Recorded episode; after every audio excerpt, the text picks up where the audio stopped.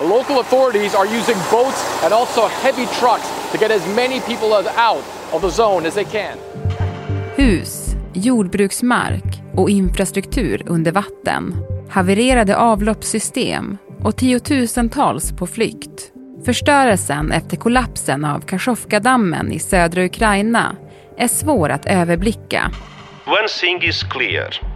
This is another devastating consequence of the Russian invasion of Ukraine. På en kvart får du veta varför översvämningen riskerar att bli en gigantisk miljökatastrof och hur den påverkar Ukrainas förväntade motoffensiv. Det är fredag den 9 juni. Det här är dagens story från Svenska Dagbladet med mig, Alexandra Karlsson och idag med Gunilla von Hall, utrikeskorrespondent på SvD.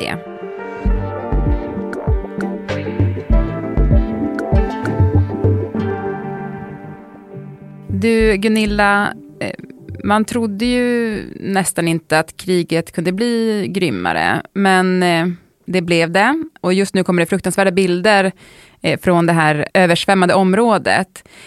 Kan du beskriva förödelsen?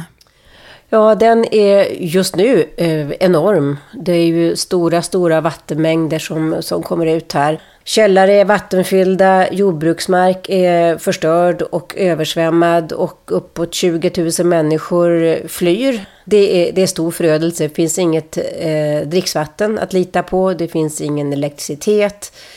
Djur dör, drunknar. Nej, det, det är förfärliga, det är apokalyptiska scener just nu.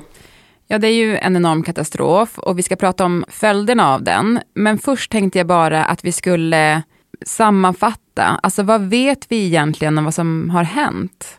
Det är fortfarande mycket som är oklart. Båda skyller på varandra. Ukraina säger att Ryssland ligger bakom det här och att de har sprängt dammen. Medan då ryssarna säger att det är Ukraina som har gjort det. Det kan också vara så, det finns en del rapporter, det eh, fanns även i en vetenskaplig tidskrift för några veckor sedan, en rapport om att dammen var i väldigt eländigt skick. Och när eh, då Ukraina återtog Cherson så förstördes också delar av dammen. Så den kan ha varit i så uselt skick att den faktiskt kollapsade. Så att man vet inte varför den här dammen ja, helt enkelt kollapsade precis, själva skuldfrågan vet vi inte. Men om det skulle vara Ryssland då, alltså vad skulle de ha att vinna på det? De skulle ha ganska mycket att vinna på det ändå. Därför att man har spekulerat om att en offensiv från ukrainska sidan skulle komma just från Cherson över Dniprefloden. Och i och med om det är Ryssland som ligger bakom det här så har de helt enkelt eh, eliminerat 25-30 mil av den frontlinjen. För nu blir det väldigt svårt för Ukraina att komma över den här väldigt breda, eh, kaotiska floden som det är nu.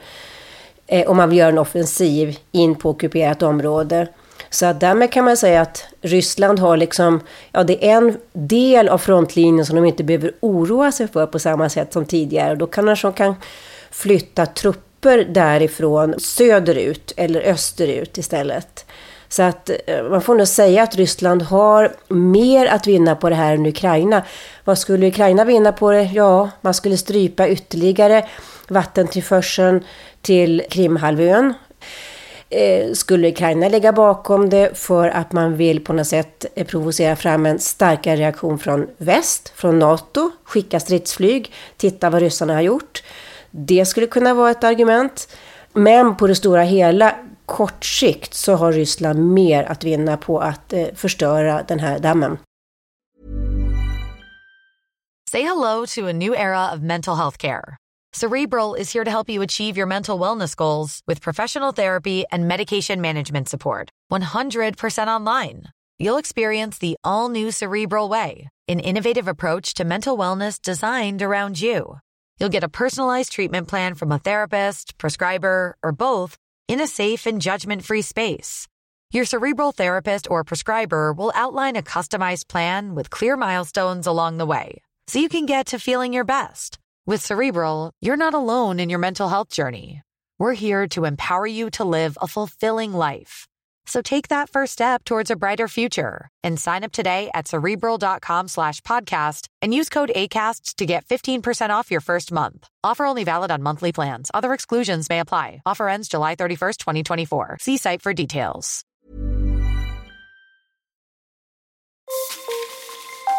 Ukraine's civilians suffer.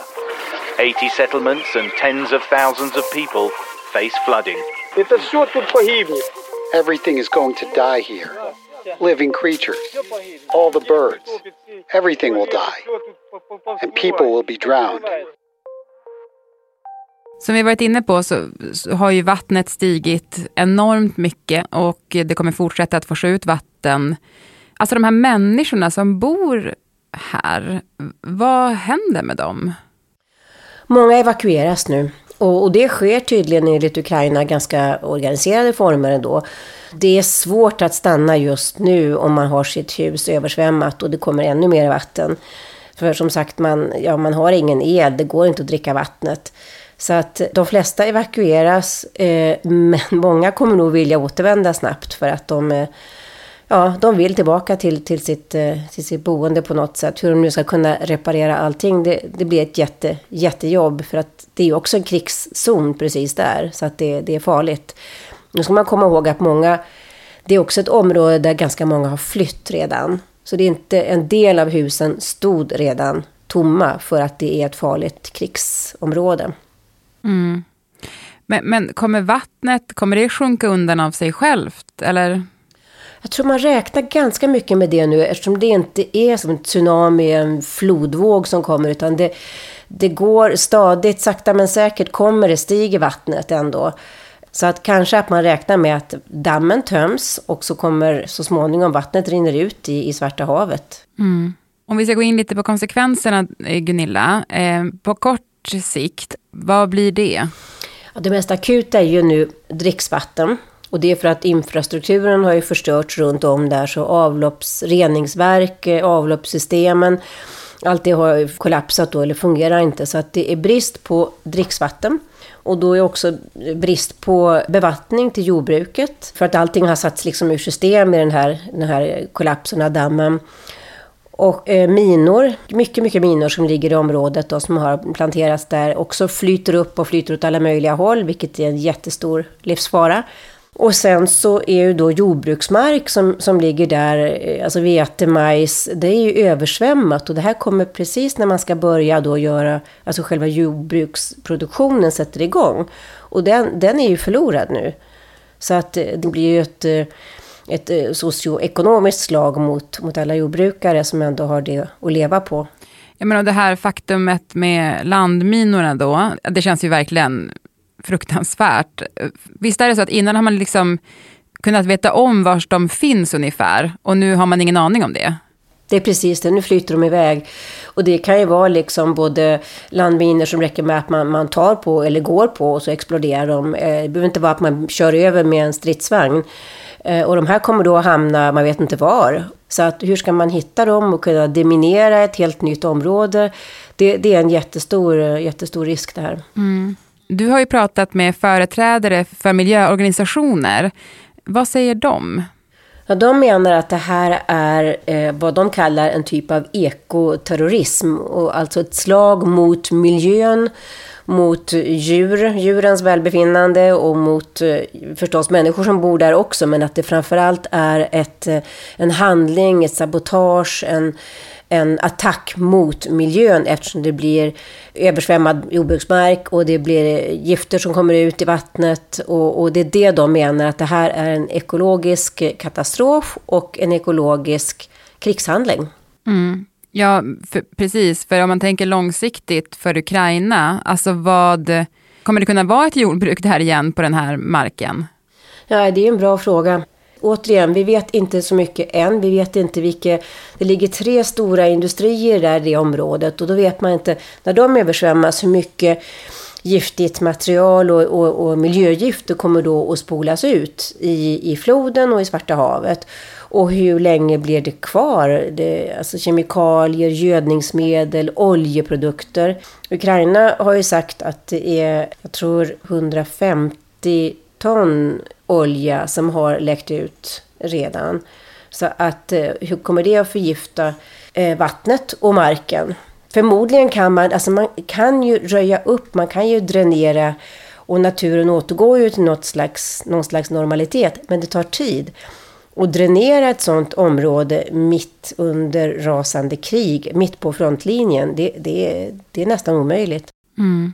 Ja, men förutom liksom alla mänskliga konsekvenser som det här har, så kommer det också bli en ja, men en enorm kostnad. Ja, eh, bara det att bygga upp dammen igen kommer bli jättedyrt och väldigt komplicerat och ta 5-10 år.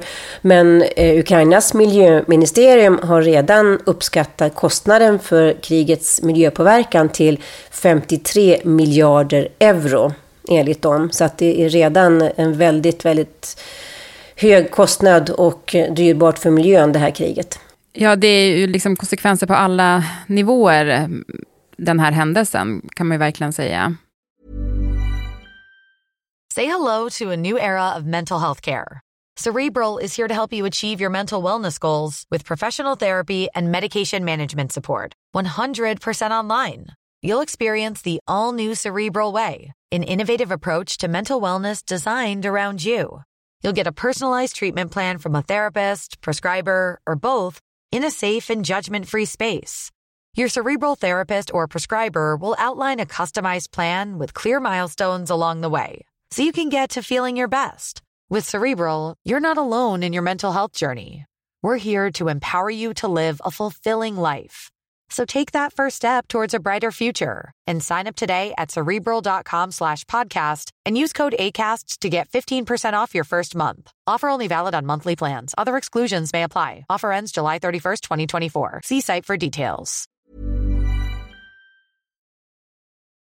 Ja, men ingen sida har ju tagit på sig skulden för det här eventuella dådet då. Alltså, varför tror du att ingen gör det?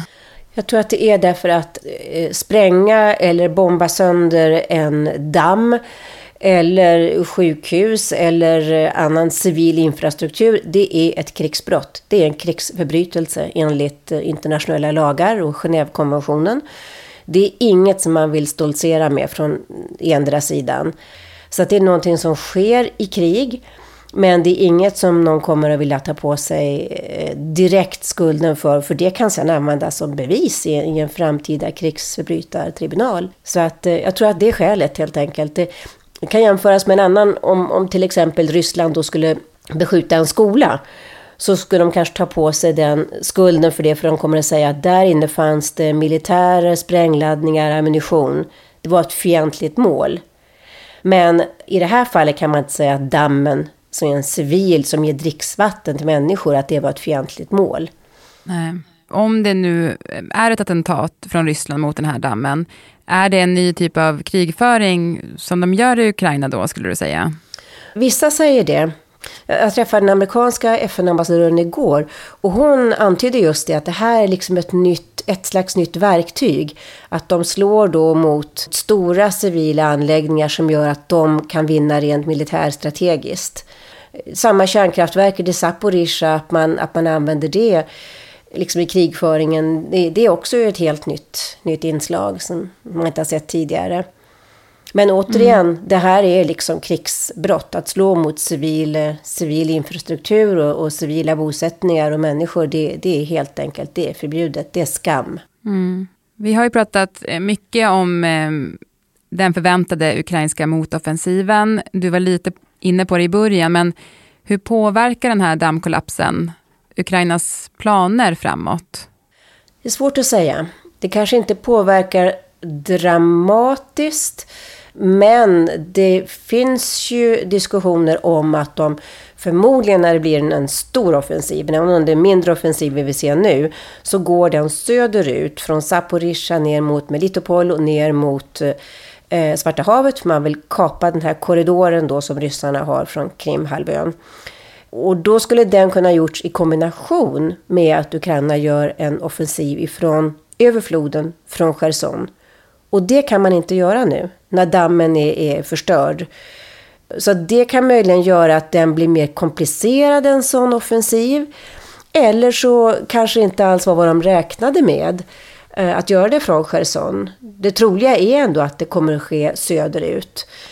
Och det vet ju säkert Ryssland om och då vill de kanske ha mer eh, soldater, mer försvar där. Och det kan de ju få nu om de tar det ifrån Chersonområdet eftersom den frontlinjen inte är lika farlig och hotfull längre. Så att det kan ligga mycket militärstrategi bakom det här. Och för Ukraina så, så var ju det här inte direkt välkommet mitt i den planerade offensiven, det kan man ju säga. Mm.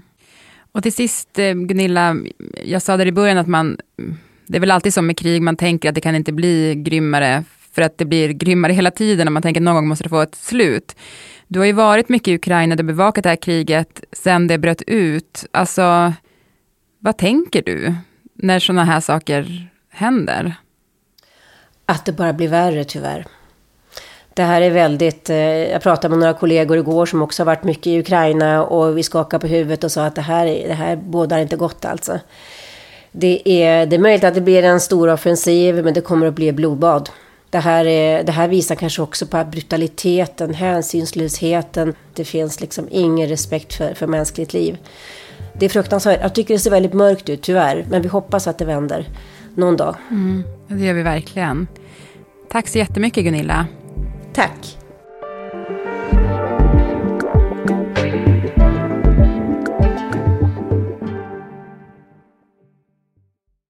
Programmet idag producerades av Moa Larsson, redaktör var Stina Fischer och jag heter Alexandra Karlsson. Vill du kontakta oss så mejla till dagensstory.svd.se. Och klippen i programmet kom från CNN och AP.